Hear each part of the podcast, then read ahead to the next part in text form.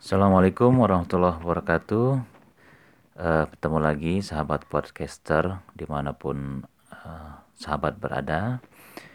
Uh, baiklah kita akan coba ya bahas. Uh, saya akan mencoba menguraikan atau uh, berbagi tentang apa itu pelatih atau coach dalam dunia olahraga. Seperti kita ketahui bersama teman-teman bahwasannya coach atau pelatih dalam olahraga itu adalah sebuah profesi sekarang itu ya. Di mana eh, gelar coach ini yaitu gelar yang cukup prestis di kalangan olahraga. Karena apa? Karena coach dalam olahraga itu adalah penuh dengan rasa hormat, respect, tanggung jawab, kemudian mungkin dekat dengan atletnya uh, sudah seperti keluarga. Bahkan lebih dari itu bahwasannya coach itu bagi atletnya juga sebagai seorang guru, pendidik, bapak, bahkan teman sejati. Mungkin ada sebagian coach juga yang dianggap oleh atletnya itu seperti teman atau seperti kakak. Banyak hal-hal lain uh, bahwa coach itu mempunyai kedudukan di mata atlet itu adalah sebagai uh, macam-macam ya. Ada yang sebagai pendidik, ada yang memang sebagai keluarga, teman, bahkan ada juga yang tempat curhat mungkin.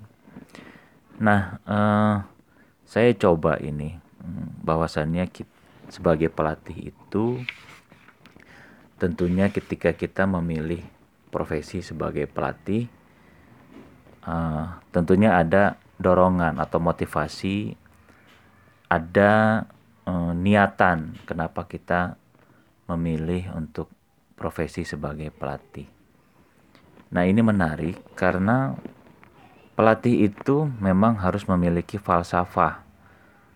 Dia sebagai coach, apakah sebagai falsafah hidupnya atau sebagai falsafah coaching atau pelatih.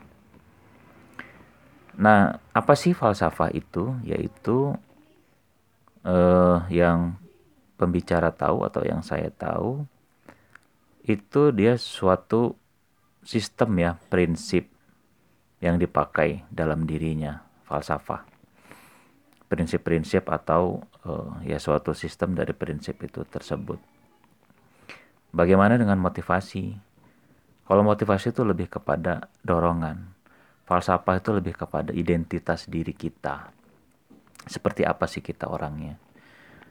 Motivasi menjadi pelatih itu lebih kepada dorongan. Misalnya dorongan untuk berbagi ilmu.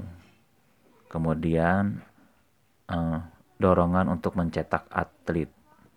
Nah, kalau falsafah itu lebih kepada nilai-nilai dasar, tabiat-tabiat, perilaku, kemudian uh, bisa jadi sebuah identitas diri yang ingin kita tularkan kepada murid kita menanamkan kepribadian yang baik, perilaku yang etis pada atlet-atlet kita.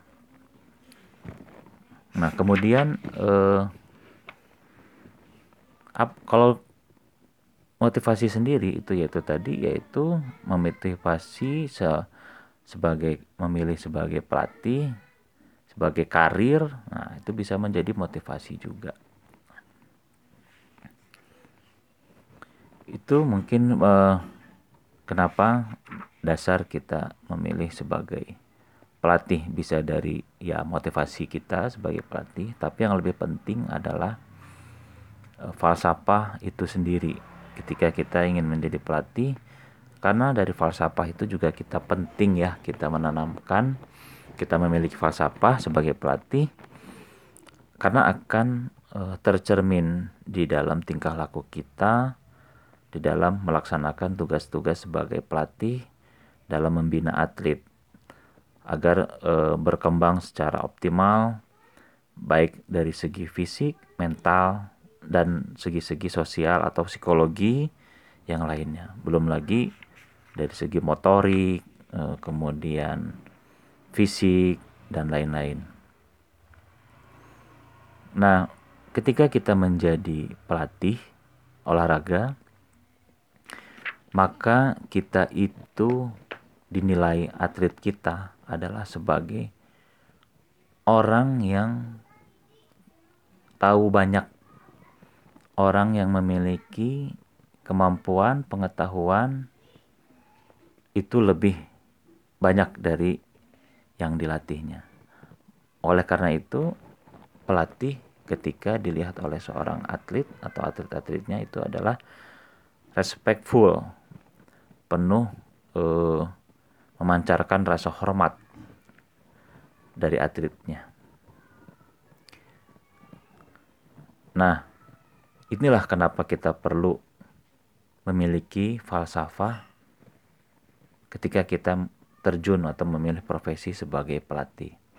Karena falsafah tersebut tercermin dalam watak kita, kemudian sikap-sikap, pertimbangan-pertimbangan, bahkan intelektual kita juga bisa dilihat ketika kita memiliki falsafah. Dan tentunya sebagai pelatih perilaku kita itu adalah ditularkan oleh atlet.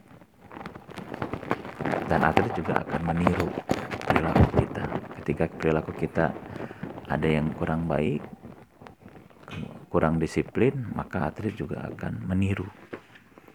Sebaliknya, ketika perilaku kita penuh tanggung jawab, disiplin, kemudian respect, kemudian tanggung jawab, jujur, dan lain sebagainya, itu akan ditiru oleh atlet kita.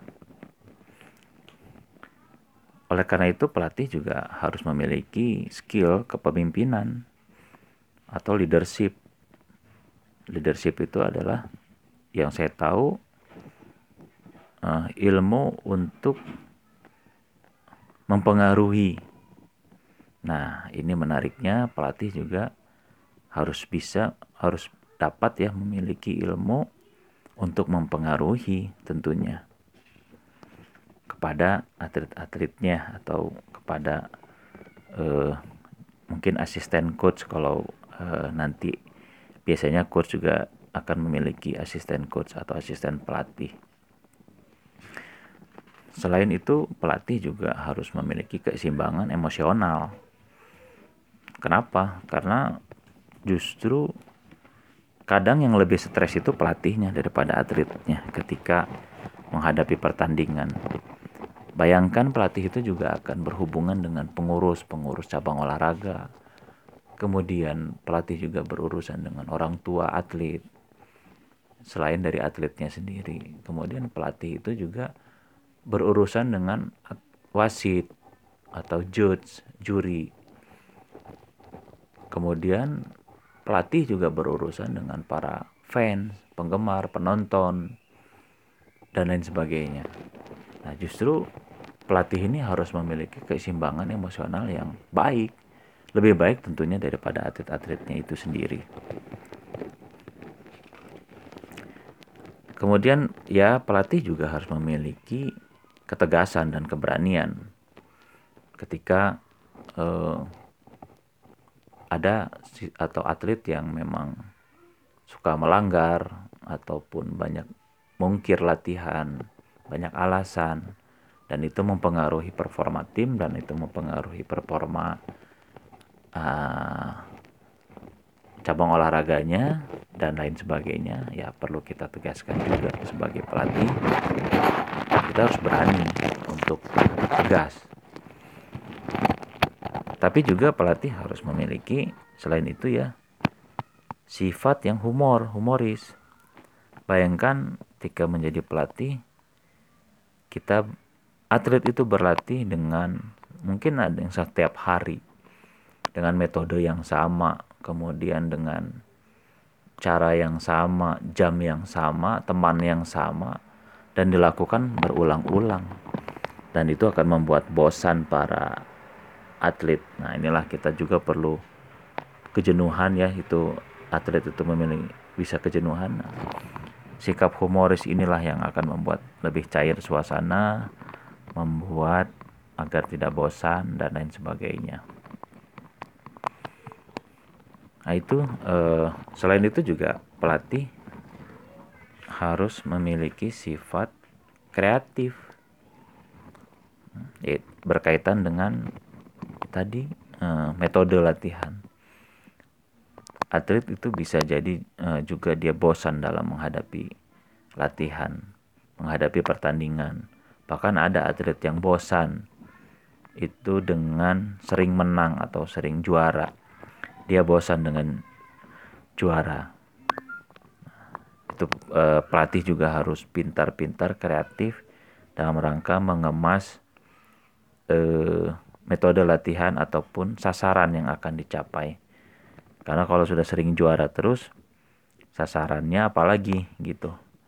Karena sudah sering juara. Nah seperti itu mungkin sedikit eh, gambaran ketika kita memilih profesi sebagai pelatih olahraga.